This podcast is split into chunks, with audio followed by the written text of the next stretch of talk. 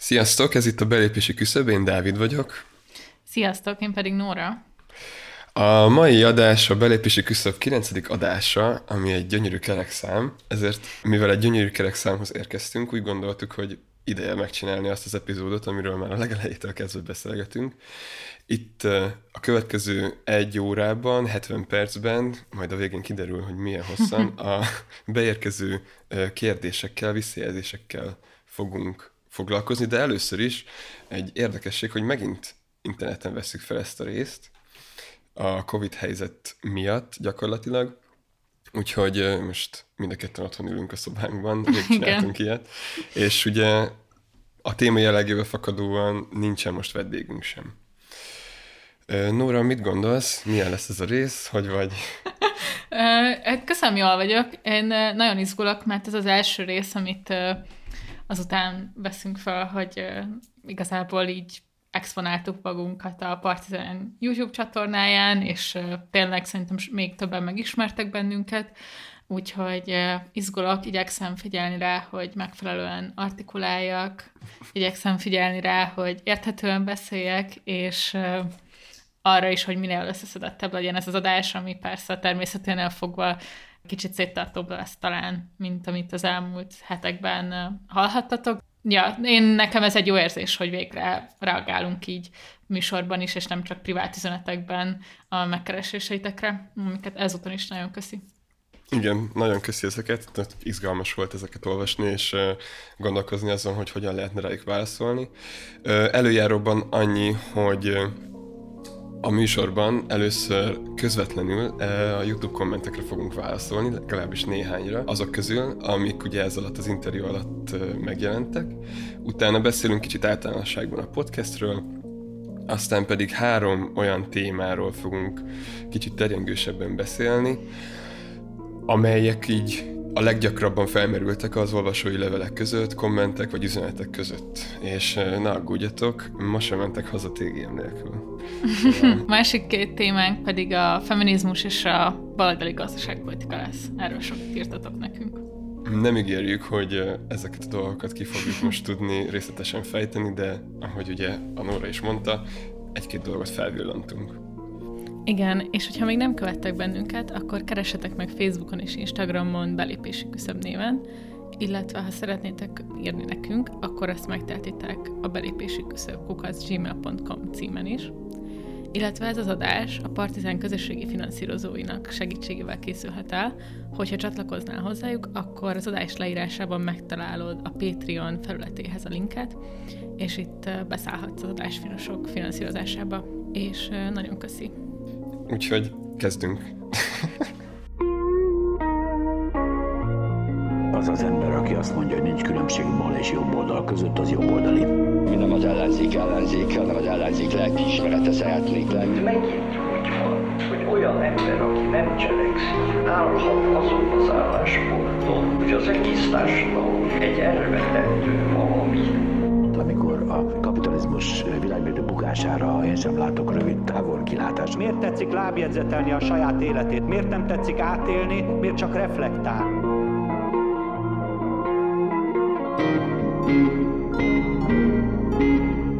Nagyon köszi, hogyha megnéztétek a velünk készült interjút a Partizánon. Utána így az első gondolatunk az volt, hogy nem véletlenül nem vlogot csinálunk, hanem podcastet. Igen. Mm, Rengeteg komment érkezett a YouTube videó alá, nagyon izgalmasak, rettenetesen viccesek néha, és amúgy volt egy-két tök elgondolkodtató thread is, szóval amúgy igazából, hogyha érdekeziteket a dolgokat, ti is nézzetek bele ezekbe a kommentekbe. Most néhányat kiválogattunk magunknak, amiket izgalmasnak tartottunk. Nem tudom, Nóra, kezded, hogy melyik volt a kedvenced, vagy melyik volt esetleg fontos? Hát nem tudom, én szerintem először talán arról beszélnék, hogy az adás címe az is sokakat szerintem megragadott, hogy barátságos baloldalt építeni. Ezt szerintem, most nem néztem vissza, de szerintem ez szó szerint egyikünktől sem hangzik el, hanem így általában igyekeztünk arról beszélni, hogy egy barátságos hangulatú, kellemes műsort szeretnénk csinálni, és hogy én próbáltam azt fejtegetni szerintem, hogy hogy amellett, hogy milyen szavakat használunk, és milyen módon beszél, hogy tehát konkrétan milyen tartalomról beszélünk, az is nagyon fontos, hogy milyen hangulatban.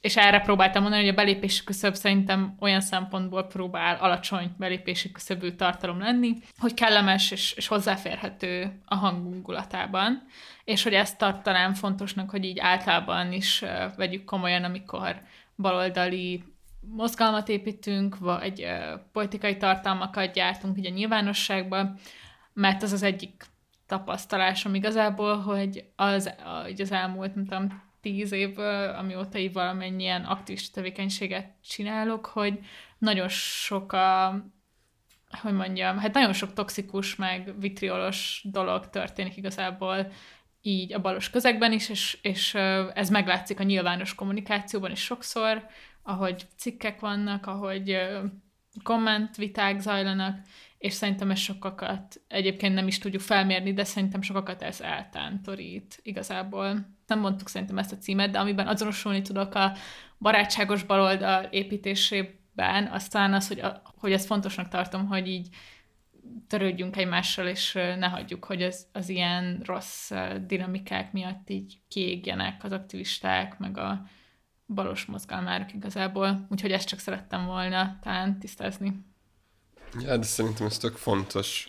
Nekem, hogy én ehhez ilyen nem is tudok nagyon hozzáfűzni semmit, csak az, hogy azért találtam kicsit szerencsétlennek ezt a párosítást, mert engem pont arra emlékeztetett, amit éppen megkritizáltunk a populizmusos részben, hogy itt igazából a mozgalomépítés összetartó cementje az az, hogy nagyon-nagyon izgatottak vagyunk, uh-huh. és hogy nagyon túl optimisták, meg ilyen hurra optimisták vagyunk, ami ugye ideig, óráig működik, ugye itt konkrétan a, a Bernie Sanders kampányra uh, utalva beszélgetünk erről, azonban hamar kiderül, hogy ez az hurra optimizmus, meg ez a barátságosság így üres, és hogy azok az emberek, akik így együtt dolgoznak egy mozgalomban, azok valójában nagyon-nagyon más pozíciót foglalnak el a társadalomban, és hogy ezt csak úgy lehet átidalni, hogyha ezeket a pozíciókat tisztázzuk, és nem pusztán a, a toleranciával, meg a barátságossággal Igen. próbálunk a mozgalmat alkotni.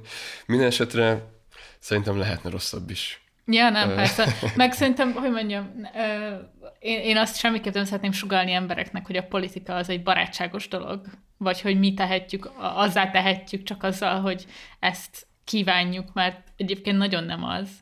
De... Azt akarod mondani, hogy nem lehet már? hát igen, igen, az egy elég szerencsétlen koncepció volt. a politika lehet más. Na mindegy, tehát hogy igen, tehát hogy nem azon múlik a politika általában, hogy, hogy barátságosak vagyunk át, csak egy részét, amit kontrollálhatunk, abban talán fontos szem előtt tartani. Ja. ja. Nem, úgyhogy ez. Neked, Dávid, mondd, melyik volt a kedvenc kommented? Őszintén nekem a kedvenc kommentem az volt, ami ami, idézem, a gyerek az kolikás, és a sírós nevetős smiley. És nagyon őszintén bevallom, hogy nem tudtam pontosan, hogy mit jelent ez a szó, ezért így rákerestem, és ez valami gyomorbetegség.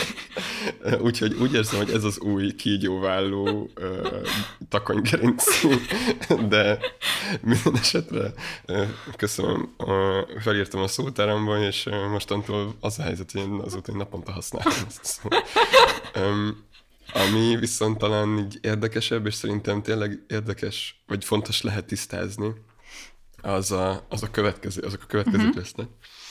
Volt egy ilyen komment, hogy valaki mondja meg, mi az, hogy balos, illetve mik a legfontosabb jellemzők a kormány per párt esetében, hogy balos. És ez... Komolyan. És ez amúgy tényleg egy... Komolyan, komolyan. Valaki mondja már meg. Szóval, hogy ennek az embernek nagyon el kell mondani ezt, mivel nekünk, meg a mindennapi működésünk során ez is sokszor tök egyértelmű lehet. Az, hogy így mit értünk az alatt, hogy mi baloldaliak vagyunk, uh-huh. baloldali mozgalmat építünk, baloldali kérdésekről beszélgetünk ezekben a podcastben, de hogy azért ez így általában nem feltétlenül evidens, és különben nagyon sok kommentből előjön az, hogy baloldalt azt így azonosítják az ilyen vérgőzös sztálinizmussal sokszor, vagy esetleg pont, hogy az ilyen felhigított liberalizmussal, szociálliberalizmussal, szóval nem tudom, ne, nyilván nem lehet így definiálni pontosan most a következő három percben, hogy mit értünk ezzel, de azért egy nagyjából körbe lehet rajzolni. Mit lehet erre mondani, Nóra? Szerinted mi az, hogy balos? Hmm. Hát azért nem nehéz, szóval, hogy egyrészt azért is nehéz, mert így alapvetően annyira gyenge a nemzetközi baloldal, hogy szerintem emiatt Magyarországon még továbbra is nagyon terhelt azáltal, a koncepció által, hogy a baloldal az egyrészt a rendszerváltás előtti államszocialista rendszer, tehát hogy az egyfajta baloldal, ami ugye mondjuk történelmileg meghaladott, meg különböző okokból elutasítandó. A másik baloldal koncepció, ami még szerintem sokaknak van, az így a Megyesi és Gyurcsány, talán még valamennyire bajnai kormányzások, tehát az a, az elmúlt nyolc év, ami ugye szintén igazából a kortárs valódi magyar baloldal, amiről mi szoktunk beszélni, az ezt sem tartja igazán egy, egy baloldali időszaknak, vagyis pontosabban amiatt, mert hogy a gazdaságpolitikában alapvetően a piaci logikát erőltette így a magyar társadalomra, és a, a felzárkózásunkat a nyugathoz is alapvetően ezen keresztül igyekezett megvalósítani. Erről picit már beszéltünk szerintem még így a legelső adás, ja, adásban ja. is. Tehát, hogy alapvetően szerintem, amikor arról beszélünk, hogy ma mi a baloldal, akkor nagyon sokszor egy ilyen kritikai jellel tudjuk ezt mondani, tehát, hogy mi, a, mi az, ami nem. És ez is szerintem tök fontos, mert ezt a munkát még szerintem nem végeztük el eléggé. Még mindig nagyon sokan ezeket a dolgokat azonosítják a baloldalisággal. De, hogy mondjam, szóval számomra, amik így, amik így fontos, vagy amit így keresek, hogy amikor azon gondolkodok, hogy az a típusú baloldaliság, ami számomra szimpatikus megjelenik a valakiben, akkor alapvetően így a nemzetközi értékláncok és különböző nemzetközi hierarchi- gazdasági hierarchiáknak valamiféle kritikáját keresem például, tehát adott esetben van-e valakinek arról, vagy mondjuk egy pártnak arról értelmezése, hogy milyen módon vannak beállítva a periféria, vagy az, az alacsonyabban fejlett országok a centrumországok szolgálatába, hogy a kapitalizmus az egy hogy mondjam, ez nem egy neutrális rendszer, hanem egy olyasmi, aminek vannak nyertesei és vesztesei, hogy erről tudunk-e mondani valamit, és hogy alapvetően olyan azon igyekszünk el, hogy a veszteseket kárpótoljuk, azért, amilyen kizsákmányolás és bántalom éri őket, illetve hogy olyan politikát akarunk építeni, hogy számukra egy jobb pozíciót hozzunk létre. És ez nyilván most ez egy nagyon tág értelmezés, de azt hiszem alapvetően én, én ezt keresem például. Magyarországon szerintem ez egyébként, hogy mondjam, elemeiben felelhető, igazából az összes pártnál van valami, tehát hogy a Momentum is mond valamit szociális szféráról, a Fidesz is valamit próbál mondani arról, hogy hogyan vagyunk kiszolgáltatva a nemzetközi piacoknak, meg tudom én, de hogy ezek nem ágyazódnak bele egy következetes és, és konzekvens nem is világnézetbe, de legalábbis ideológiai alapvetésekbe. Tehát az, az ami, ami miatt szerintem nehéz jelenleg baloldal találni Magyarországon, hogy kicsit mindenhol megjelennek elemeiben, de én nem látom, hogy valaki így összefogná ezeket, és, és tényleg ezt képviselni a nagy politikában jelenleg. Pont ezért szerintem, pont ezért nehéz összefogni, mert, mert hogy sok mostanában ugye a Jakab Péter óriási rivalda fényt kap ezzel a különböző ilyen-olyan párizsis szendvicses dolgaival, uh-huh. de alapvetően az Orbánt is szokták, meg a NERT is szokták kommunistázni, stb. És most gondoljunk vissza arra, hogy a NER-nek az ilyen egyik első, vagy a korai uh, időszakában az ilyen rezsicsökkentéses intézkedések, um, stb. azok azok általában ilyen baloldali, szocialista címkével voltak illetve. És szóval mind a Fidesz, mind a Jobbik párt programjaiban, kommunikációban felelhető olyan programpont, vagy olyan kommunikációs panel, ami így klasszikus értelemben szociáldemokrata, vagy baloldali munkásmozgalmi pártoknak a, az ilyen ideológiájának volt esetleg sarokköve, és hogy nyilvánvalóan így az utóbbi, nem tudom, 30 évben, most, hogy ugye a munkásmozgalom, ez ugye a rendszerváltás és a Szovjetunió bukása után így kevésbé hangsúlyos szerepet foglal el a nemzetközi és különben így nemzeti politikai szintereken is Európában. Ezek a dolgok, ezek az ügyek nem tűntek el, viszont valamilyen szempontból ezeket az ügyeket fel kellett karolnia olyan pártoknak, akiknek szüksége van óriási szavazóbázisra, és hogy ezeket, a, ezeket az ügyeket így hát hogy mondjam, van ez a kifejezés, hogy ugye kiveszik a, a ennek meg ennek a mozgalomnak, politikai pártnak a vitorlájából a szelet. Ez így tökéletesen szerintem tetten érhető mind a Jobbik, mind pedig a Fidesz politikájában, hogy, hogy ha megnézzük az ilyen értékkutatásokat, ez az új egyenlőség, azt hiszem meg a Political Capital így évente megcsinálja, és bebizonyítja, hogy a magyar választók viszont valójában baloldaliak, még hogyha kritikával is lehet illetni ezeket a közvénykutatásokat, az így egyértelmű, hogy a magyar választókban az ilyen szociális intéz, vagy a magyar választók számára az egészségügyi rendszer, a közoktatás, illetve a szociális intézmények megléte, ilyen-olyan pénzügyi transferekhez való hozzáférés lehetőség, az itt tök fontos. És ezek ilyen klassz, meg akkor amúgy a tömegközlekedéshez való hozzáférés. Ugye gondoljunk arra, hogy így egy vasútbezárás, vagy egy szakasz lezáráskor mekkora társadalmi ellenállás van. Na mindegy, nem akarom hosszan mondani, csak az, hogy így alapvetően, hogyha baloldal halott, és a baloldali pártok és intézmények már így gyakorlatilag impotensek, akkor valaki másnak kell olyan dolgokat képviselni, amik amúgy valójában népszerűek. Uh-huh. És Szerintem sokan azon vagyunk, hogy ezeket az ügyeket összefogja végre egy olyan baloldali kezdeményezés, hogy intézményrendszer, amely ezeket konzisztensen viszi, és hogy mellette nem csinál olyat, most egy nagyon egyszerűen megfogalmazva, hogy rezsicsökkentés mellett áll ki, de hogy mellette maximumra járatja a társadalom kizsákmányolását, és, ezek, és a megtermelt értéket felfelé osztja újra. Hát ez egy, nem tudom mennyire válasz. A baloldalt jelenleg a hiányában látjuk a leginkább, azt hiszem. Ez egy válasz meg erre a kommentre. Igen.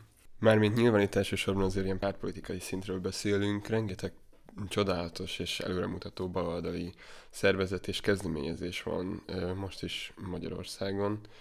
A cél az, hogy ez igazából minél szélesebb körül legyen, szerintem.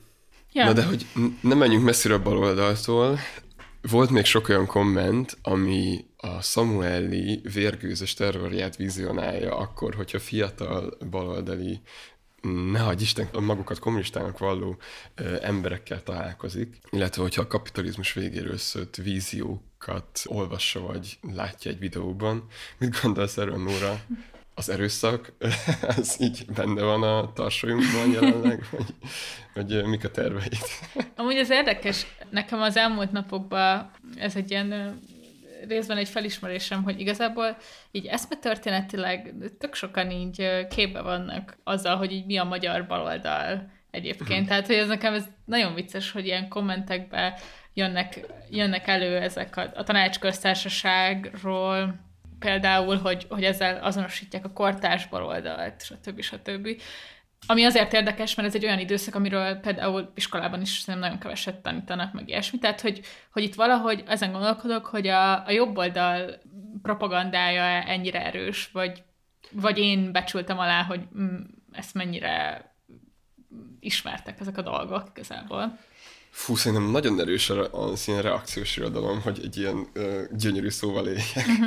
Hogyha bemész a Libribe, akkor a, most nem tudom melyik kiadónak a könyvei, azok így ugye ott van a történelem szekcióban, ilyen kitüntetett helyen vannak, és ezeknek a könyveknek általában a tematikája az az, hogy főleg a 2019 után, mikor ugye volt az évforduló, akkor így, hát így mindenféle kritika nélkül dolgozzák fel ezt az időszakot, a tanácsköztársaságot, a Rákosi időszakot, még a Kádár rendszernek ugye az ilyen poszt-56 konszolidációs időszakát, stb.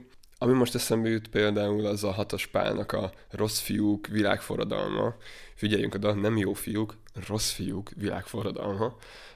Ez, egy, ez a Jaffa kiadónál jelent meg, a tanácsköztársaságról szól, és a Lenin fiúk vérgőzös terrorjáról, amivel ugye ijeszgetni szoktak megállás nélkül, valamint a filmek terén a Foglyok című film, ami egy tévéfilmként jelent meg tavaly vagy tavaly előtt, és a Rákocsi rendszer alatt játszódik.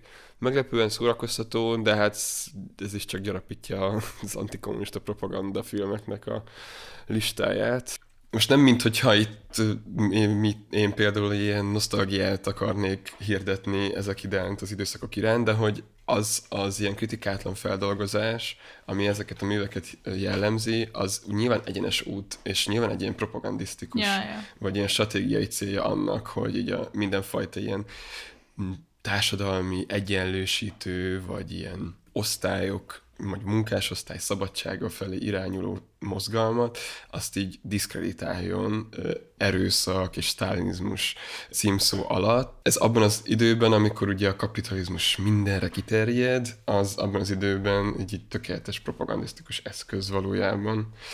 De szerintem nagyon erős, hát van ugye a Pesti TV, ami ezt tolja, maga Ja. a, a köz, közszolgálati médiák, könyvkiadók, stb. Szóval Igen. Azért van ellenpélda is, szóval például most csak hogy ajánljunk valamit, a Csunderlik Péternek például a, a Vörös Terrorról, ez is például tök jó. Na mindegy, tehát, hogy vannak ellenpéldák. És szerintem, igen, ez igazából egy tök érdekes felismerés nekem, hogy ezzel valószínűleg többet kell foglalkozni, mert nagyon erősek ezek az eszmetörténeti asszociációk, és, és, ez, és úgy tűnik, hogy ezek tényleg így mélyen, meg, meg széles körben vannak.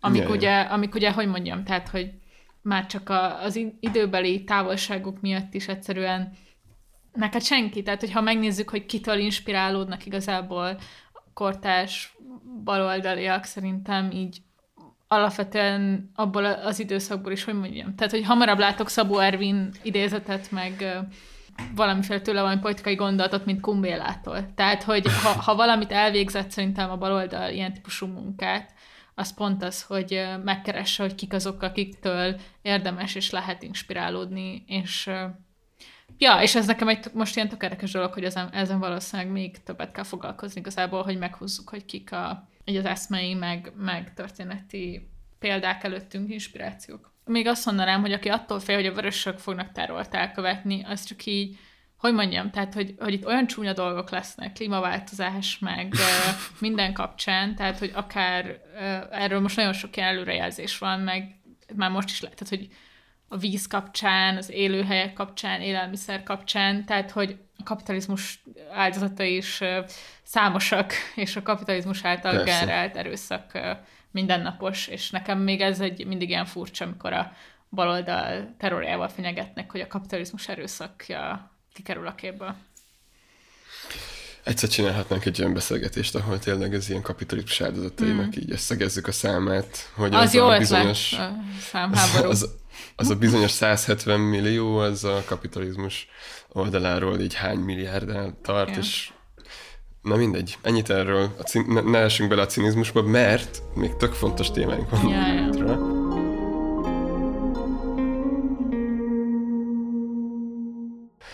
Van még olyan komment, tehát, ö, ami neked eszedbe jut? Szerintem így általában beszéljünk kicsit arról, amik így a műsorra, meg ránk reflektáló kommentek, szerintem egy picit érdemes ezekre is, mert tök sokan ragadtak billentyűzetet, hogy ö, arról beszéljenek, hogy mit gondolnak a műsor koncepciójáról. Nagyon sokan aggódnak amiatt, hogy ö, nincs célközönsége a műsorunknak, hogy túl, túl ö, elvontak Magasabb vagyunk, igen, hogy ne, nehezen érthető, ahogy beszélünk, nem elég jó az orgánumunk ahhoz, hogy ilyen műsort csináljunk.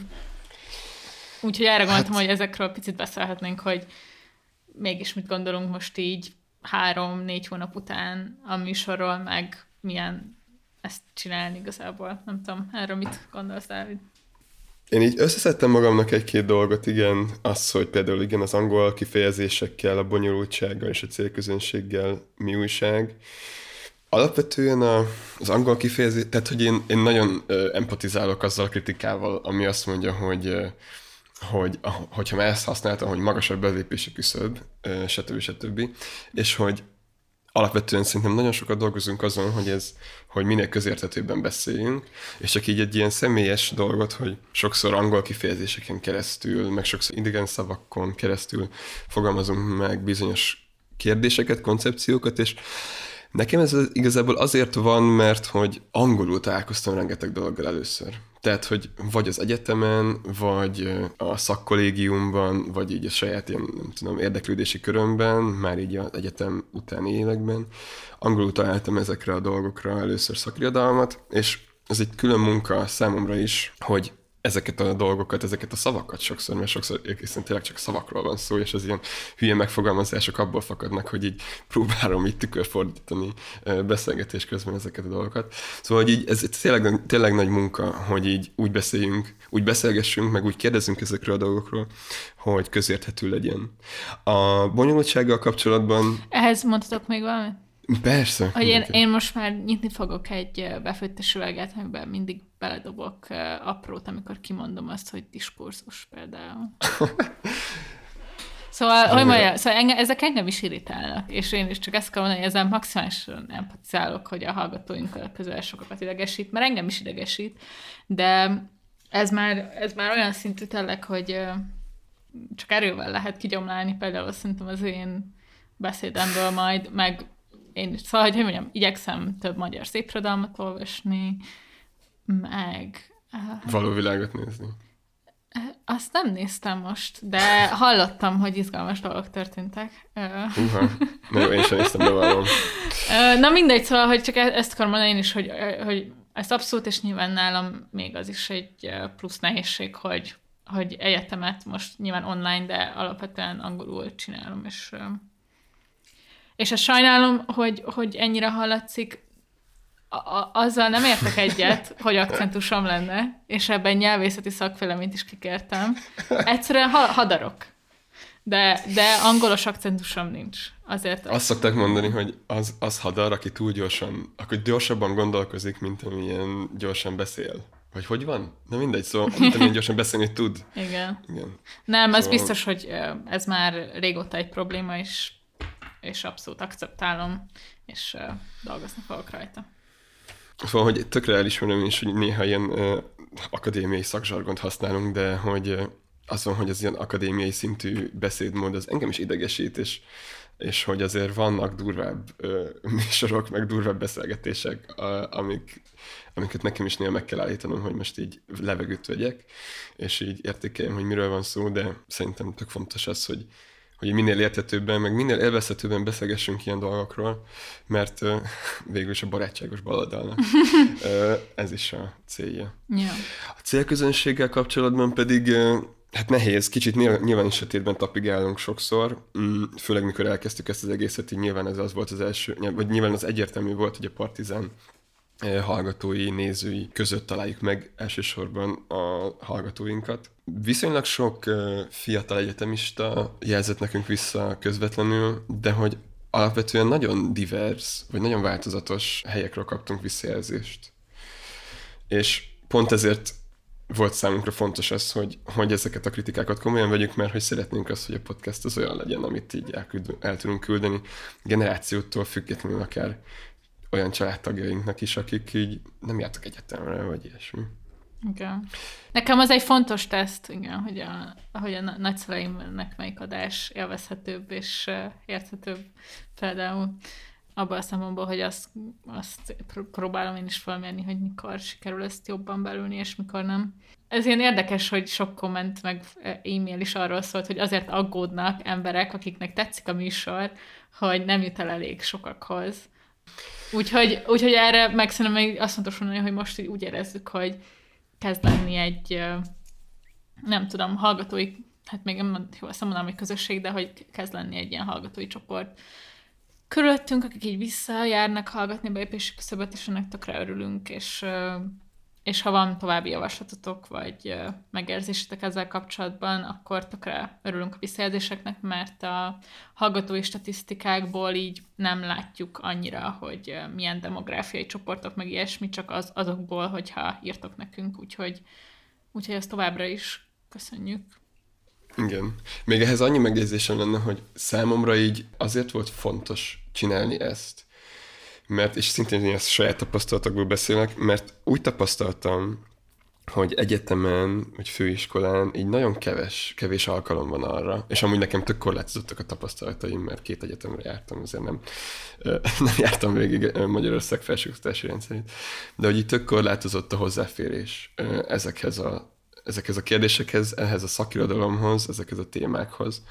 És úgy gondoltam, hogy hát abban nem vagyok jó, hogy az egyetemen belül, vagy a felsőoktatáson belül ezt így előre vigyen. Viszont azért azt meg kell jegyeznem nekem is, hogy a formális oktatásomon belül is találkoztam kiváló baloldali teoretikusokkal, akik nagyon inspirálóak voltak számomra. Ilyen volt például a Kis Viktor, akinek most jelent meg egy új könyve, vegyétek meg.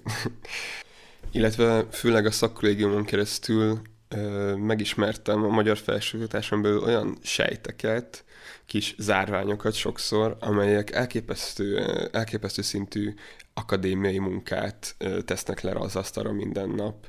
A baloldali kultúraelmélet, politikai gazdaságtan, pszichológia, kritikai pszichológia területén minden egyes nap. Nekem igazából sokszor ezek csak így kevés voltak láthatók, azt hiszem az egyetemi éveim során. És ezek között a munkák között rengeteg olyan van, ami óriási hiba lenne, hogyha az akadémia falain belül maradna. Szerettem volna gyarapítani, vagy szerettük volna szinte mindketten gyarapítani azoknak a felületeknek, meg podcastoknak a számát, amik, amik ilyen tudást termelnek, és azért mégis valamennyire az ilyen nagyon durván akademizáló nyelvi szint alatt, és egy kicsit közép, közérthető. Meg sose lehet tudni, hogy ki mibe botlik bele, és most már ja, belénk is belénk lehet botlani. Hát néhányan belebot, felbotlanak a küszöbben, és ők ja. maradnak, remélhetően. Ja, hát azt hiszem magunkról kb. ennyi. Igen.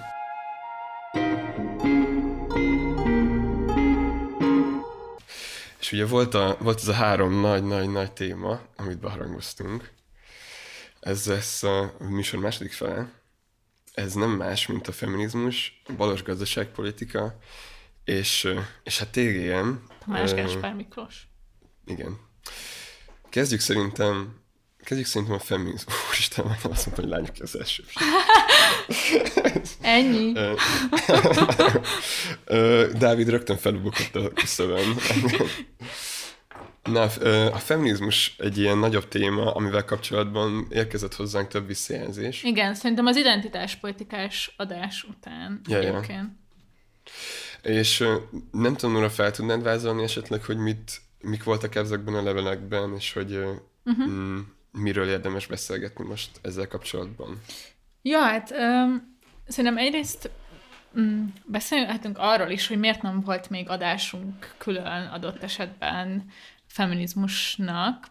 Erről én csak röviden azt szerettem volna mondani, hogy, hogy ezt nagyon nehéznek érzem megszólalni ezekben a témákban. Úgyhogy részben ez is az oka. Másrészt pedig nagyon, hát olyan módon átpolitizált, hogy nem csak a, nem csak a jobbal skálán átpolitizált, de a baloldalon belül is az egyik legerősebb szakadások azok a feminizmus körül vannak. És igazából az egyik kérdés is, ami érkezett, az igazából erről szólt. Vagy hallgatói levél, hogy, hogy a, amiatt aggódott az egyik hallgatónk, hogy a baloldal összemosódik a liberálisokkal, olyan szempontból, hogy a különböző korábban a feministák által elnyomó, vagy káros gyakorlatként, vagy káros intézményként ábrázolt, vagy leírt jelenségek, mint mondjuk a prostitúció, vagy a pornó, a kortás ilyen kulturális, politikai nyilvánosságban felszabadítóként vannak ábrázolva. A baloldalnak egy jó része az megy ezzel az állásponttal, még egy másik része azon kapja magát, hogy közelebb kerül a konzervatívokhoz, és erről is, ez pedig szerintem az iránytűsodásunkhoz kapcsolódik valamennyire. Kicsit idézek is ebből a, a levélből, amit írja a hallgatónk, hogy amit én kiemelnék, az a prostitúció. A balos, progresszív, akármi körökben egyre erősebben látom azt a véleményt, hogy a prostitúció felszabadító, empowering, tehát ha, felhatalmazó, vagy önerősítő, és azokat a balosokat, akik abolicionista, tehát a prostitúció megszüntetésére vonatkozó álláspontot képviselnek, a konzervatívokkal egy kalap alá veszik. Azt érzi még a hallgatónk, hogy kimarad az a nézőpont ennek a téma kapcsán, hogy a prostitúció az alapvetően gazdasági kényszer, és és kizsákmányoló struktúrák között jön létre, és ezt a felszabadító narratíva, amit sok baloldali vagy liberál baloldali képvisel, az, az kimarad. És szerintem, hogy mondjam, erről mindenképp fontos beszélni, de nagyon nehéz. És pont ezért nehéz, mert uh, szerintem a Dáviddal már így is néha akaratlanul is beleálltunk baloldalon belüli törésvonalakba, de ez aztán tényleg föl tud robbantani közösségeket, személyes kapcsolatokat, stb.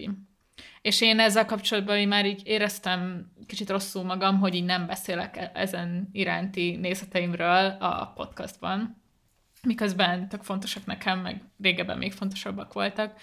De ja, azt hiszem igazából erről csak annyit akarok mondani, hogy abszolút egyetértettem ezzel a hallgatói levéllel, és tökre örültem neki, hogy anélkül, hogy explicit adott esetben elég, eléggé kihangsúlyoztam volna, vagy te a, a nézeteinket erről, így átjött ez a tartalom. Most például szerintem a legutóbbi adásban ajánlottad a replikának az új számát. A, uh-huh. a, a szex politikai gazdaságtanal ja, igen. Címet viseli. Igen. Fa. Fa kapitalizm.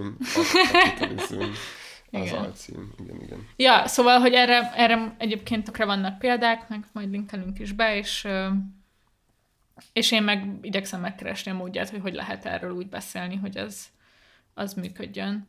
És ja, hát nem tudom, Dávid, erről te mit gondolsz? Férfiként gondolom még pikánsabb. Hát férfiként a, a, ez az egész ilyen feminizmus dolog, meg feminizmus kérdés, ez, az szintén egy ilyen vékony jég, azt hiszem. És hogy erről különben érdekelne a véleményed, meg szerintem sok hallgatót érdekelhet az, hogy, hogy férfiként lehet-e feminista. Azért is, mert hogy vannak olyan nézetek, hogy feminista igazából csak nő lehet, és valójában, mert a férfi valójában nem érzi azt, hogy, vagy nem tudja, nem tapasztalja azt, hogy a nők milyen rendszer szintű és egyéni szinten is érzékelhető elnyomási, elnyomások alatt élik le az életüket. Ezért a férfi az legrosszabb esetben csak így elkövető. De így mindegy, azért nem mindegy, nem akarok, vagy ne, nem, tudom, nem akarok annyira igazából belemenni ebbe. Azért fontos, azt hiszem ez a kérdés férfiként, vagy azért is, mert hogy így az a rendszer, ami az ilyen férfi épül, az így alapvetően a férfiaknak is szar. Tehát, hogy így általában ezzel szokták meggyőzni elsősorban a férfiakat arról, hogy így feminizmussal is érdemes foglalkozni. Mert hogyha azzal nem lehet meggyőzni talán, hogy így, hát de mégiscsak ez egy fontos ügy, és neked is ki kell állni mellette, azzal azért kicsit igen, hogyha így rávilágítasz arra, hogy így az, hogy például pornót nézel, az így mennyire durván befolyásolja azt, hogy uh, hogyan viszonyulsz emberekhez meg így különösen. Meg saját magadhoz. Igen, igen, igen, igen. Szóval szerintem ez egy nagyon fontos fontos téma, és, és én is örülnék neki, hogyha visszatérnénk erre a kérdésre. Kb. tényleg ilyen mémesült konfliktus ez bizonyos körökben, hogy na meg csak azt kéne, hogy így rögtön elővegyük ezt a kérdést, mert akkor azonnal ilyen szektákra esünk szét. Igen. És valaki kérdeztem, hogy ezt mondtam, hogy csak... Ja, ja, ja, ja, és akkor így felolvassuk a legérdekesebb, legfurább, legbizarabb kérdést. Jó, hát annyira nem az, de azt, Jó, nem, azt, ír, azt írta nekünk valaki, hogy lehet, hogy elsőre furának tűnik a felvetés, de terveztek foglalkozni a baloldal és a VDSM viszonyával? Én erre azt mondom, hogy nem, de, de ha már muszáj. Én erről csak, uh, hogy mondjam? Vagy mond, mond. Jó, hát akkor majd én kapom, nem tudom, sarat, de hogy én, én nagyon abszurdnak tartom ezt az egész dolgot, mert magát a BDSM-et, és azt meg elképesztően ijesztőnek, hogy, a, hogy az ilyen progresszív mozgalmak mennyire zászlókra tűzték ezt az ügyet az utóbbi évtizedben, talán, lehet, hogy régebb óta, de hogy és hogy egy ilyen tökéletes példájának tartom annak, hogy, hogy mennyire individualizálva van a feminizmus valójában, hogy itt ilyen konszenzusra épülő dologként van ez így beállítva, de hogy nincs reflexió, hogy egy egyénnek a, az ilyen döntéshozatala mögött ilyen hihetetlenül bonyolult társadalmi, szociológiai, szocializációs, sok szempontból ilyen traumatikus dolgok lehetnek, amire egyén szintjén nem tud, vagy nem is képes, vagy csak nehéz, nehéz és hosszú munka által, vagy hosszú Igen. munka után reflektálni. Szóval, hogy... Jó, amúgy a, a kérdés szerintem nem biztos, hogy azt implikálta, hogy a, hogy a baloldal és a BDSM kapcsolat az um, elfogadó kell legyen. Szerintem lehet, hogy csak... Nem, nem, nem. Ja. Én csak azt mondom, hogy, én, én csak azt mondom, hogy nekem ez, ez a gondolat. Ja, igen. Nem, persze. És, és, és hogy csak szerintem is tök fontos az ilyen szexuálpolitikai dolgokkal foglalkozni, meg most például az egyik barátunk küldte egy chatben a 24 ponton volt egy cikk arról, hogy így a, a nálunk egyel fiatalabb generációban már így annyira durván az ilyen különböző ö, kinkek és fétisek meghatározzák a szexuális ö, gyakorlatokat, hogy, hogy így ijedtek a szülők, meg a szakértők, meg mindenki, hogy így mit, mennyire fals képe van nagyon sok fiatalnak arról, hogy mi az, ami ilyen természetes vágy kifejezése, és mi az, ami már erőszak. Sok mindenben elég tradicionális vagyok, meg ilyes ilyen szempontból elha- elhajló a progresszív baloldaltól, és amiben valószínűleg a legjobban azok ezek a, a szexuálpolitikai témák, és az, hogy hogy, hogy amikor arról beszélnek ilyen online felületeken, hogy ezeket a kinkeket és fétiseket el kell fogadnunk, és igazából elnyomott kisebbségekről van szó, akiket fel kell szabadítani, akkor ezzel így nagyon-nagyon-nagyon nem tudok mit kezdeni. És főleg alapvetően abból az ilyen hagyományosabb feminista kritikai szempontból azt érzem, hogy amit te is mondtál, hogy ezt nagyon-nagyon meg kell vizsgálnunk, hogy valójában milyen nézőpont és milyen érdekek mondatják ezt, akár szervezetekkel, akár ilyen politikai influencerekkel. És alapvetően én szeretném, hogy a, hogyha a magyar nyilvánosságban a, alapvetően az, amit például a mércén futó pornósorozat, vagy ez a replikaszám, tehát alapvetően a különböző ilyen erőszakra alapuló fétisek és, és a baloldal kapcsolatáról való beszédmód az alapvetően egy kritikus. Tehát, hogy a baloldal kritikus legyen ezekkel az erőszakra alapuló vágy által átszőtt dolgokkal kapcsolatban. Úgyhogy azt hiszem, azt hiszem erről ennyi. Ja, hát ámen. Ja, még a férfiként feminizmusra, bocs, hogy erre nem válaszoltam. Ja. Ö, Semmi.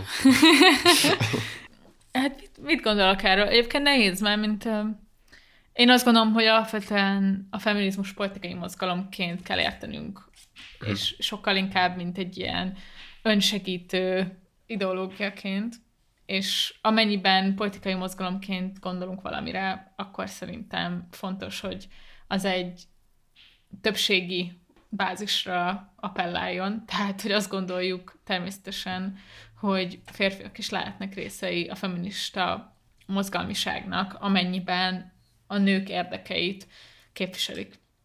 És alapvetően ennek egyébként nyilván része az is, hogy a magánéletükben megvalósítanak bizonyos minimumokat, amik egyébként sokszor nagyon nehéz megugrani, és ettől nem az az érzésünk, hogy ezek minimumok, miközben valójában azok. De engem, hogy mondjam, az is, azt is nagyon fontosnak tartom egyébként, hogy viszont a közéletünk nem tud szólni csak ezekről a magánéleti dolgokról. Én tudom értékelni adott esetben, vagy tudom feministának tartani, amikor mondjuk egy, egy férfi politikus vagy közéleti szereplő alapvetően ilyen témákat felvállal. Nem kell leborulni előtte, nem, le, nem tudom, nem is tudom, ez mit jelente, hogy feminista-e valaki, hogy, ugye, de az, hogy tud feminista dolgokat tenni, vagy a nők érdekében cselekedni egy férfi, azt szerintem elég egyértelmű. Amúgy az, az jutott még eszembe ezzel kapcsolatban, és ennek is van azért egy ilyen irodalma, vagy magyarul is elérhető egy-két cikk. Egy ilyen tipikus példa, hogy egy férfi viszonylag fiatalon fiatal felnőttként találkozik a feminizmussal, és akkor rájön arra, hogy úristen, ez mennyire fontos, mennyire jó, és akkor identitást csinál ebből a feminizmusból, és így az, az ilyen általános dolog, hogy ő így viszonylag gyakran, viszonylag hangosan hangoztatja azt, hogy ő egy feminista férfi. Öm, emiatt ilyen meg ilyen értékrendel rendelkezik, ilyen meg ilyen erkölcsöket val, ezért egy ilyen jó ember, egy jó férfi, ugye egy feminista férfi, és sokszor így úgy érzem, hogy ebből valójában egy bizonyos nem tudom, közösségen belül próbál egyfajta ilyen szimbolikus tőkére mm-hmm. szert tenni. Igen, és ez igen. vissza, visszatérő hiba. Egy probléma, nem tudom, hogy te találkoztál Abszolút. ezzel. Most er, pont rájöttem, hogy ezt akartam ennél a témánál felhozni, hogy most uh, Nagy-Britanniában van egy nagyon durva eset, uh-huh. ami kapcsán tök nagy tüntetések is volt. Hát nem, szóval, na, elmondom gyorsan, tehát, hogy egy uh, 30-as éveiben járó nő Dél-Londonban nem messze attól, ahol én is laktam még pár hónapja, sétált haza éjszaka, és elrabolták, és brutálisan meggyilkolták.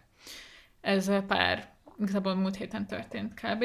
És most a, ezen a héten amikor felvesszük, mert ez most március ö, 15-a van, tehát ezen a héten igazából, meg a múlt héten Angliában ilyen közösségi megemlékezéseket szerveznek, meg éjszakai ilyen legyóják a ke- kegyeletüket, nők, meg erről nagyon nagy diskurzus zajlik igazából a munkás pártvezetőjétől a miniszterelnökig mindenki gyertyát gyújt, és erről posztol, hogy gyertyát gyújtott a férfi erőszak áldozataiért, meg ezért a konkrét nőért is.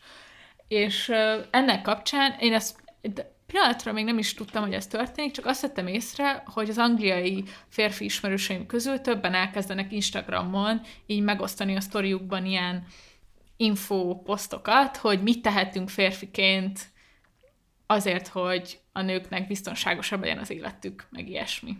Ami, hogy mondja, egy alapvető szinten így szimpatikus, de egy, egy részem meg szintén bekapcsol ez, amit te mondasz, Dávid, hogy ez az ilyen erényfitoktatás, hogy én mekkora feminista vagyok, ez nagyon sokszor igazából elfed tök csúnya dolgokat, meg, meg a, a, főleg a publikus önreflexió sokszor azt érzem, hogy elfedi a magánszintű önreflexiónak a, a hiányát.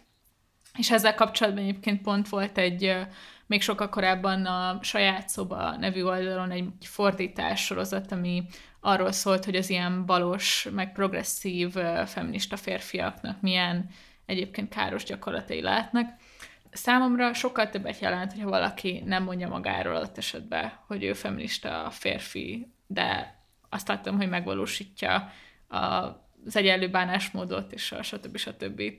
És ja, és hogy mondjam, e- nagyon ennek az angliai esetnek a kapcsán nekem ez az ilyen performatív feminizmus most így nagyon hát ambivalens érzéseim vannak ezzel kapcsolatban, hogy valójában me- mennyiben generál őszinte szembenézést, és mennyiben igazából ez a tragédia sem tudja azt, azt az típusú szembenézést, amire igazán szükség lenne, meg a férfi napi gyakorlatát nem hiszem, hogy ez fel tudja számolni. Nagyon köszi, hogy ezeket elmondtad, meg szerintem nagyon fontosak ki. Robogjon tovább mm-hmm. a, a vörös vonat.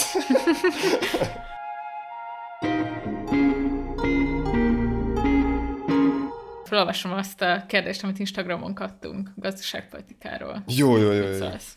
Kérlek. Szóval azt írta nekünk valaki, számomra nem tiszta a baloldali gazdaságpolitika. Hogyan viszonyul a baloldali politikai spektrum a kap- kapitalizmushoz, azon túl, hogy rendszerkritikus? Hogyan látják a baloldali gondolkodók a szociális piacgazdaságot? A szociális piacgazdaság cél vagy átmenet? Ha átmenet, akkor mi a végcél? A gyakorlati politikában nem ismerek olyan pártot itthon, és az angol száz or- országokban sem, akik alternatívát fogalmaztak volna meg a kapitalizmusra. Miért van ez? Fú, ez a szociális piacgazdaság, ez a, ezt a németek mondják magukról, nem? Még mindig. Igen, meg szerintem az ilyen második világháború utáni vegyes gazdaságokra. Ja, ja. Alapvetően, mikor ilyen baloldali gazdaságpolitikáról gondolkozik az ember, akkor így, meg, meg eb- ebben a kérdésben is úgy érzem, hogy egy több ilyen történeti dolog van, hogy bizonyos történeti szituációkban, bizonyos, hát régebben úgy hívták, hogy ö, osztálytudat, ma inkább úgy beszélünk róla, hogy bizonyos mozgalmi és politikai háttér ö, függvénye az, hogy milyen mozgástér van baloldali gazdaságpolitikára. Nehéz azt hiszem baloldali gazdaságpolitikáról beszélni, anélkül, hogy mozgalomépítésről beszéljünk. Mm. Mert, hogy, mert abban az esetben, hogyha így van egy baloldali párt, de nincsen mögötte mozgalom, nyilván vannak olyan intézkedések, vagy lehetnek olyan intézkedései, amelyek kritikusak a kapitalizmussal, de hogy valójában megmaradnak ebben az ilyen szociális piacgazdaságban. És hogy ezt a, ezeket a, vagy ezt a mozgásteret bővíteni nyilvánvalóan csak úgy lehet, hogyha van egy, van egy alap, ami hát így ki tudja egyensúlyozni ezeket a törekvéseket. De ez, ez is kicsit ilyen lózungszerű, azt hiszem. Tehát ez is olyan, hogy így, hogy így jó, könnyebb róla beszélni, mint a valóságban elképzelni. És hogy, ahogy a komment is mondja, hogy nehéz elképzelni ugye a kapitalizmus végét, nehéz ilyen alternatívát nyújtani rá. De hogy ami számomra ilyen érdekes, és amit így példának akartam hozni, az így alapvetően ez a eljátszani azzal a gondolattal, hogy valójában ami most van, például az ilyen multinacionális nagyvállalatoknak a, a, az infrastruktúrája, mm, termelési, megrend, termelésének a megszervezése, az értékláncok bonyolultsága, az ö, nem egy olyan dolog, amit ki kell dobni az ablakon, hanem csak röviden társadalmiasítani kell, vagy ha úgy tetszik, demokratizálni kell. Mert a legnagyobb probléma ugye az az, hogy ezek a vállalatok úgy működnek, hogy a megtermelt értéket így kiszipolyozzák, és így felfelé egy, nem tudom, tulajdonos réteg felé így koncentrálják. Viszont maga az infrastruktúra az jó, és amúgy erre, erre van egy ilyen tök érdekes könyv, egy ilyen gondolatkísérlet, aminek, ami magyarul sajnos nincsen még. Az a címe, hogy a Walmart népköztársaság. A Walmart az egy ilyen amerikai üzletlánc, és hogy itt az az érvelés, hogy az a, az a, az a dihotómia, ami a, ugye a tervgazdaság és a szabad piac között van, az egy hamis dihotómia, és amúgy ez tök fontos ettől a könyvtől függetlenül is, mivel hogy a modern állam mm, gazdaságpolitikája, valamint ezeknek a multinacionális cégeknek a gazdaság szervezése, termelésüknek a megszervezése, az így központilag tervezett. Nem is lehetne másképpen szervezni ö, ö, a gazdaságot, mint központilag. Tehát az, mikor így, nem tudom, arról hallunk, hogy, hogy így, ó, hát hogyan, az a, hogy a negyedéves terv az hogyan teljesült, ez nem csak egy ilyen sztálinista dolog, hanem ez egy ilyen tök alap menedzseri multinacionális cégnek a, mindennapi termelési szervezése. És így ezzel kapcsolatban ugye az, a, az lehet a cél, hogy, ezeket a, hogy ezt az értéktermelést, ezt ne kifelé, tehát ne engedjük, hogy kifelé történjen, ne engedjük azt, hogy felfelé történjen az értéknek az átcsoportosítása, hanem az maradjon valahogyan itt. Nagyon azok között, akik ezt az értéket megtermelik. Ez egy nagyon régi ötlet, visszavezethető tudom, az ilyen korai szocialistákra, azért a, a nyilván Marx elmélet is ebből indul ki. És akkor erre ezen dolgoznak, vagy ezen gondolkoznak, meg sokszor e, ez irányba cselekednek baloldali mozgalmak világszerte. Uh-huh. Szerintem amúgy ez egy ilyen tök fontos kérdés, az a része, hogy mit gondolunk a szociális piacgazdaságról, vagy a jóléti állam és valamiféle piac keverékéről. Ez nagyon sokszor ilyen, kicsit ilyen, azt hiszem, ilyen hitvitává válik, vagy körülbelül az, azon a, arra a szintre kerül balosok között nagyon gyorsan, hogy de a szociáldemokraták meggyilkolták Rosa Luxemburgot. um, hát, tehát... Az, az, az, az nem is az első árulás volt. ugye. Igen.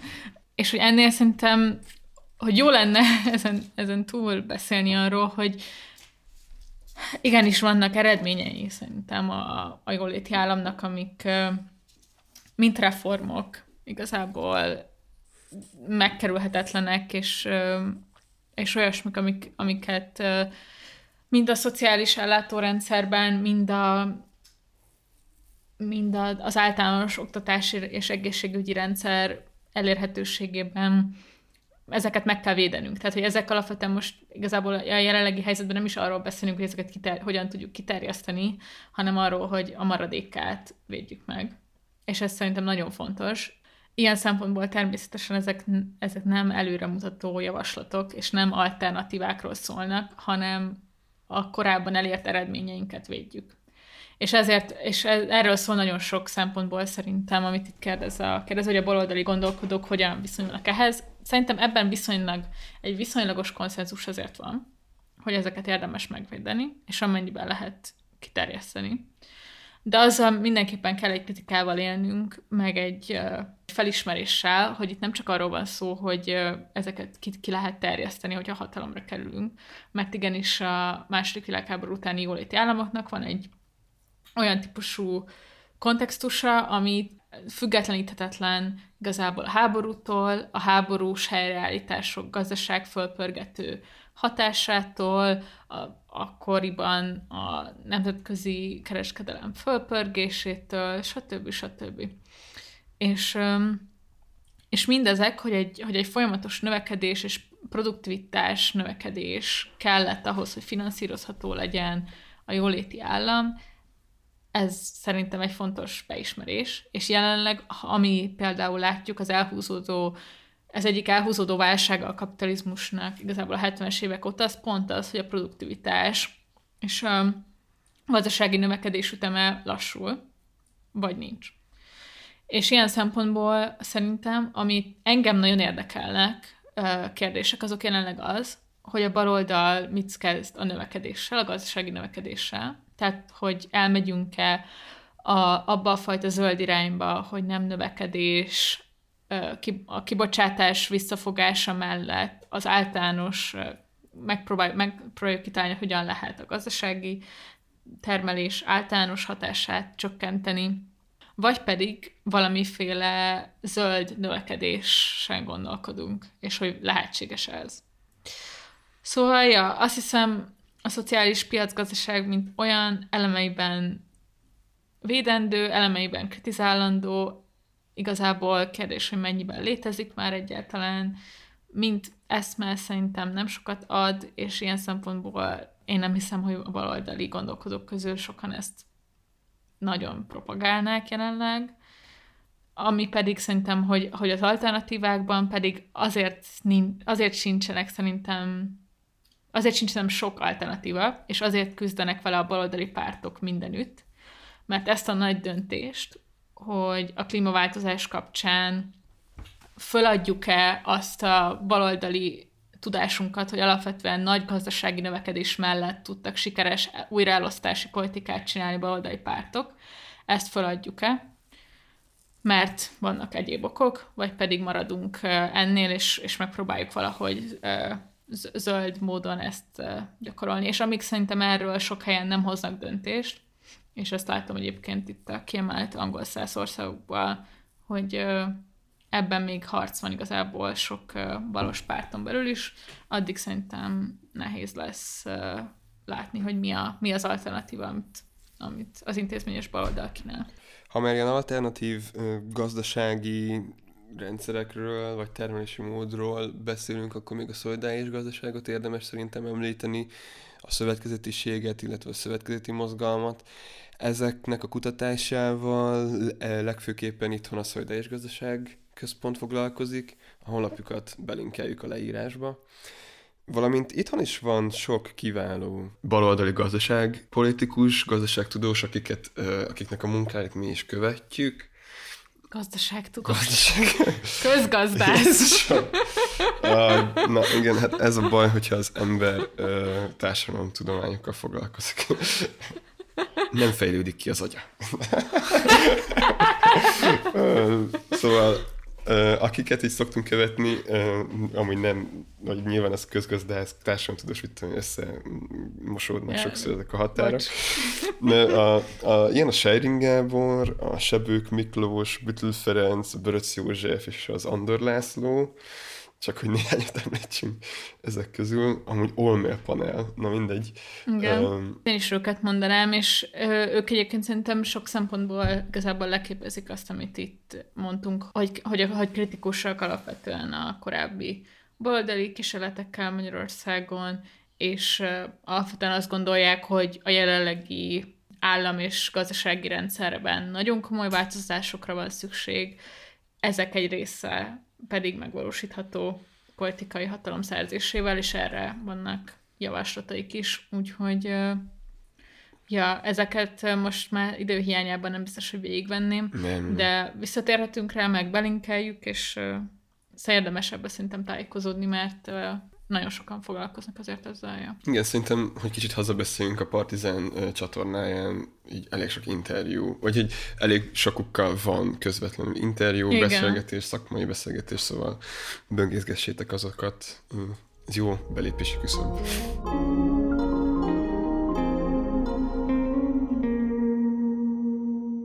A következő az egy talános kérdés. Ki mondta? Kérdező. El lehet-e jutni logikailag odáig, illetve elfogadható lenne annak belátása, hogy gyakorlati értelemben véve nincs más megoldás, mint a kapitalizmus? Válasz. Ebből a belátásból csak egyetlen következtetés lehetséges, a tömeges öngyilkosság. Van a 444-en ez a kvíz, hogy Mr. Basta vagy TGM. Na. Nora, ezt kimondta, Mr. Basta vagy TGM. Istenem, az a jelen interjú, mert ezt onnan idézte a Dávid. Katasztrofális. Szegény, aki kérdezte a TGM-et, nem nagyon érezte, hogy itt uh, mire kell készülni. Ja, ja. Hát, mindegy, az, ilyen az újságírás, hit and miss. Igen, na mindegy, ez most már csak azért akartunk beszélni róla, mert uh, tényleg sok adásban referálgatunk uh, Tamás Gáspár Miklósra, aki mm, számunkra azt hiszem leginkább egy marxista filozófus meghatározó, de nyilván egy korábbi időszakaiban, mint konzervatív értelmiségi, mint rendszerváltás utáni szabad elvű politikus, szóval sok, sokféleképp ismert lehet. És egyrészt most kijött a, az írás, a eddig idegen nyelven megjelent írásainak fordításából összeszedett Antitézis című könyve. Másrészt pedig emiatt felszántotta a magyar médiát, és sok interjút meg videót is találhattok vele, és picit szerettünk volna beszélni róla, hogy nekünk mi a viszonyunk hozzá, meg miért emlegetjük ennyit. Hát nekem személyesen igazából így annyi, hogy van egy ilyen korreláció nyilván, hogy a podcast indulása, és hogy így személyesen mennyi TGM szöveget olvasok, ez, ezek, ezek között, és hogy sokszor azért jut eszembe rögtön egy ilyen TGM, TGM referencia bizonyos témákban, mert hogy így nyilván a TGM az írásaiban elég ilyen terjedelmes, és is sok témára kitér, meg is sok említést használ, és alapvetően olyan kérdésekkel foglalkozik, eszmetörténetileg, politikailag, filozófiailag, ami engem nagyon foglalkoztatott az utóbbi időben a baloldallal kapcsolatban, baloldal múltjával, a munkás mozgalom múltjával kapcsolatban, azzal kapcsolatban, hogy a marxizmus, mint olyan, milyen pozíciót töltött be különben ebben a szociáldemokrata mozgalomban és a munkás mozgalomban. De hogy én, hát hogy mondjam, hogyha politikailag nézzük, akkor én azért így nagyon messze állok attól, amit a TGM képvisel. És hogy, hogy pont, a, pont, az, pont a kötet megjelenése előtt volt az azonnalin azt hiszem egy interjú vele, ami amúgy ilyen kiemelkedően szórakoztató, azt is szívesen ajánl, hogy olvassátok el. És ezután fogalmazódott meg tényleg bennem az, hogy, hogy, hogy így, hogy, hogy azért érdemes valahogy valamilyen értelemben elhatárolódni ettől a politika felfogástól. Főleg úgy, hogy, hogy ilyen fanbolyok, meg fangörlökként jelenünk meg sokszor.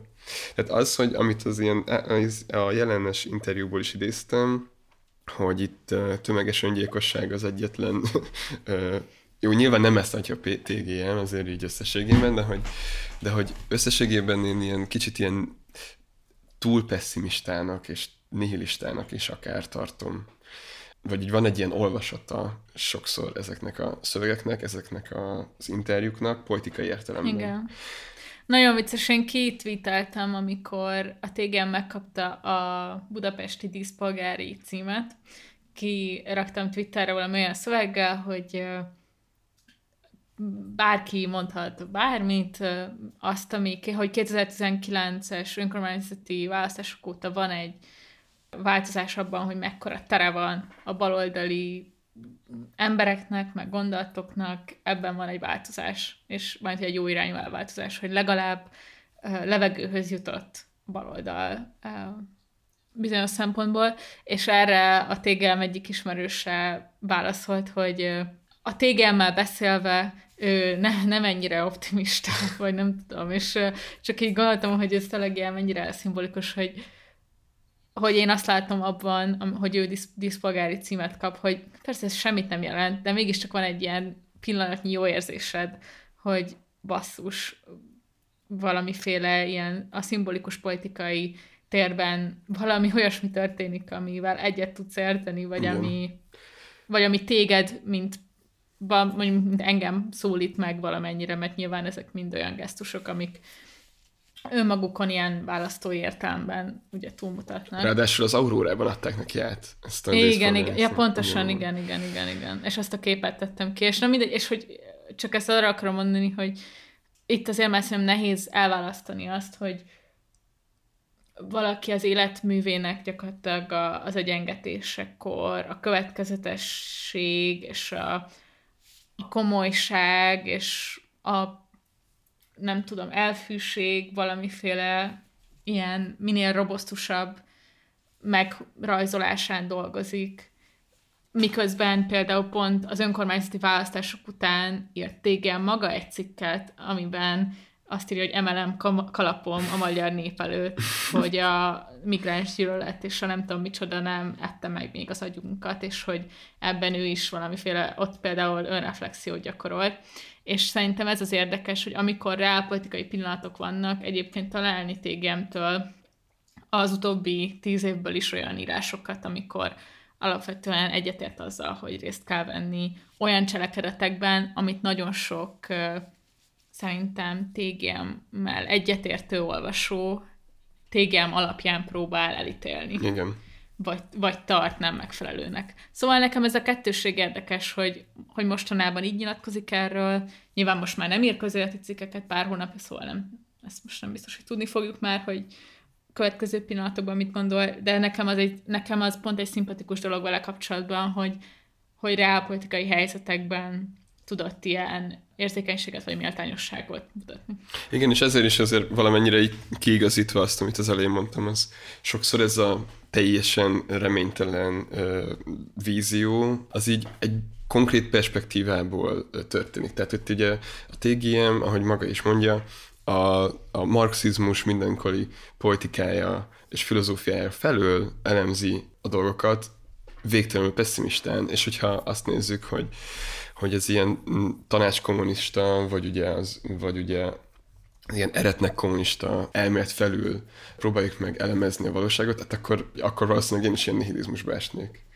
De hogy, de hogy ahogy mondtad te is, hogy ezzel szemben viszont így sosem diszkreditálja azt, hogy amúgy az ilyen élet általános jobbításának, vagy az ilyen polgári progressziónak ne lenne tere és lehetősége ma is, ö, hmm. meg ne lenne értelme. Szóval, hogy nyilván, ja. nyilván így, nem tudom, kicsit így jó hiszeműek kell, jó hiszeműnek kell lenni ezekkel a kijelentésekkel kapcsolatban, és hogy még mindig azt mondom, hogy hogy számomra egy minden szöveg egy nagyon inspiráló és motiváló is egyben, és szerintem ilyen elképesztő munkát tett azért, hogy pont azzal az örökséggel, vagy múlttal szembenézzen, amiről beszéltünk mi is, amúgy még uh-huh. az elején. Ja, abszolút. Az, a, a Szovjetunió, sztálni rendszerek és államkapitalizmus történelmével, valóságával. Engem ilyen számomban mondom, nem is az zavar, hogy, hogy most ilyen kijelentéseket tesz, amik elutasítják a, a polgári demokráciák, vagy idézőjelbe polgári demokráciákon belüli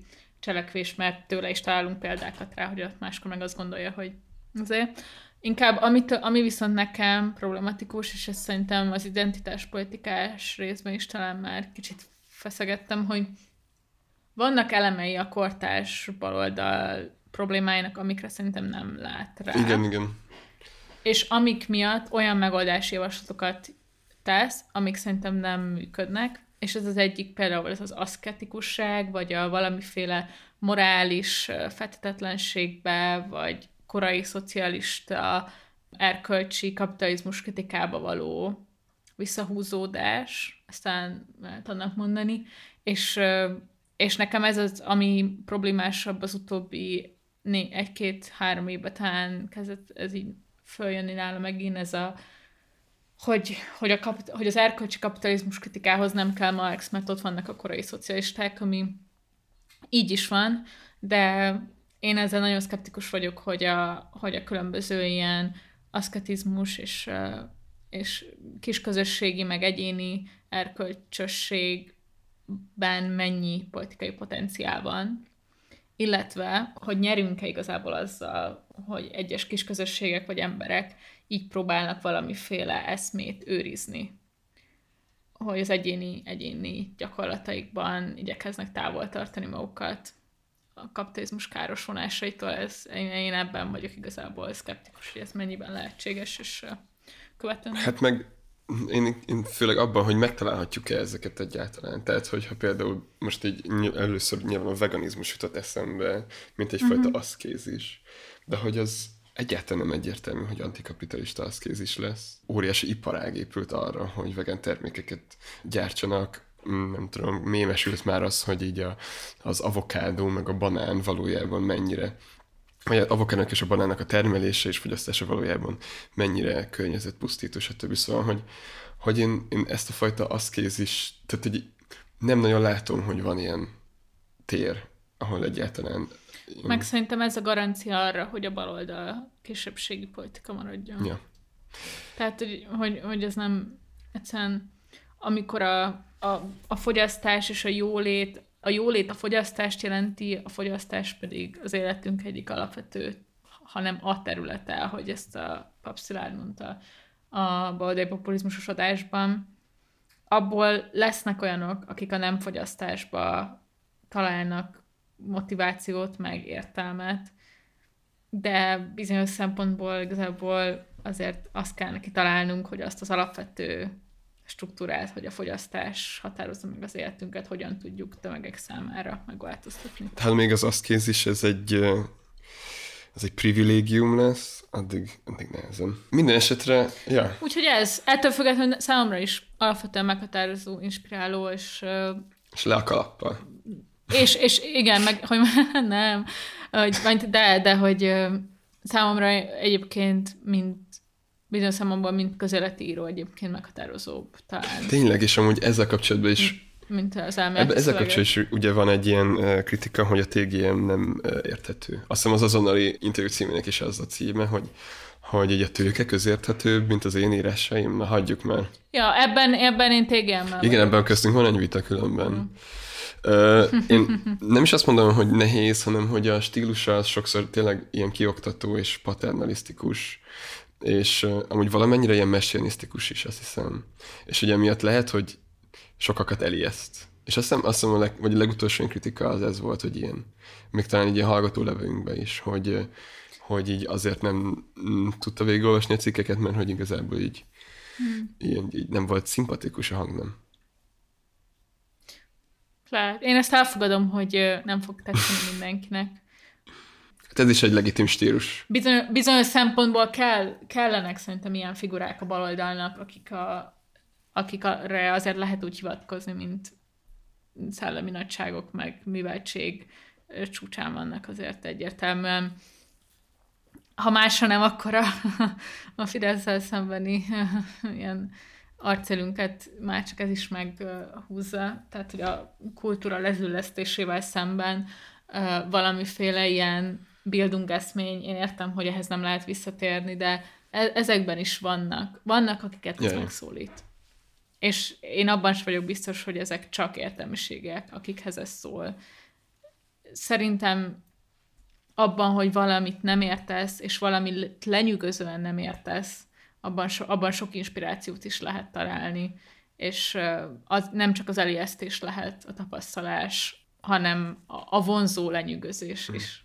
És ezt szerintem a TGM ebben, főleg amiatt, mert nagyon sok helyzetben, például a, a szegény náci gyermekeinkben is empátiát mutat a társadalom, a társadalmi szenvedés a, a magyar társadalom legszélesebb csoportjai iránt. Ezek nagyon fontosak amellett, hogy milyen beszédmódot. És ilyen számomra, számomra fontosabb is. Mert vannak olyan értelmiségek, akik hasonlóan próbálnak beszélni a TGM-hez, de a liberális gúny és, és lenézés szól belőle. Ott egyébként már én is sokkal nehezebben védem meg a, ezt a fajta elitséget. Szóval szerintem fontos az, hogy ki mit mond, ahogyan, és nem ilyen szempontból ezen a beszédmódon, és a, és a TGM szerintem ezáltal részben menthető ebből a kritikából, hogy ő azt szeretné, hogy mindenki számára elérhető lehessen a kultúra, hogy mindenki számára elérhetőek legyenek ezek a tudások. És ezt szerintem minden kritikával együtt ez nála egyértelmű, hogy egy demokratizáló és egy társadalmasító szándék van ebben. Alapvetően egyetértek, bár nyilván nem, azon nem értek egyet, hogy ez a fajta tudás az, ami egy ilyen hierarchia tetején helyezkedik el. Minden esetre ez egy olyan tudás, ami az ilyen tudás fán egy nagyon fontos pozíciót tölt be. Azért elidegenítő vagy ijesztő sokszor sok ember számára egy ilyen szöveg, mert nincs lehetőségük arra, hogy egy, esetleg egy ilyen egyszeri inspiráció után így tudjanak vele foglalkozni, vagy hogy tudják uh-huh. fejleszteni magukat, vagy hogy lehetőségek kapjanak arra, hogy fejlesztik magukat, és azon kellene gondolkozni és dolgozni, hogy, hogy ilyen lehetőség biztosítva legyen. Hát mindenki számára nyilván. Ja. Bár egyébként a TGM Klub rádiós besz- interjúi, meg a videós beszélgetések sok minden elérhető vele is, és Őt szerintem egy csomagban lehet megérteni. Tehát nem egy, nem egy cikkén keresztül fejted meg, hanem akkor, hogyha tényleg... És erre persze ehhez idő kell, ehhez sok minden kell, hogy ezt valaki megtesse, ezt abszolút. Elérés, elfogadom. erőforrás. Ja. Igen, igen, igen.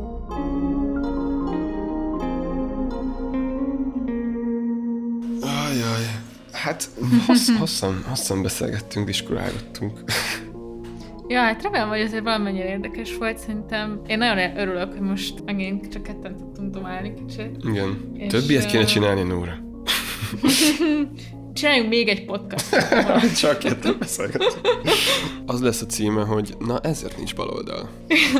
Egyrészt írjátok nekünk, hogy van-e még bármi kérdésetek, és biztos, hogy visszatérünk még későbbiekben rá, hogyha van akár vendégjavaslatotok, témajavaslatotok, tökre szívesen fogadjuk.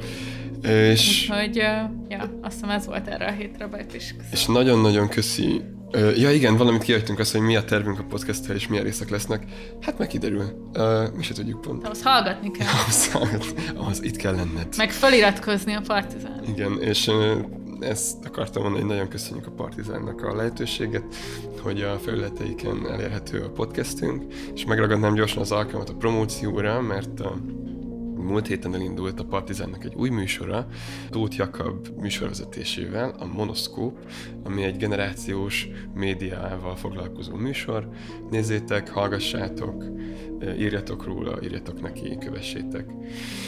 És minket pedig kövessetek be a Belépési Küszöb Facebook oldalán, az Instagramunkon, ami ugyanerre a névre hallgat, írjatok nekünk, ahogy eddig is tettétek, ahogy Nóra is említette, a belépési küszöb kukac gmail.com-ra, valamint támogassátok. Patreon. Igen, igen, igen, igen, megvan. Valamint a Patreonon tudjátok támogatni a Partizán csatornáját, és ezen keresztül a mi műsorunk megvalósulását is.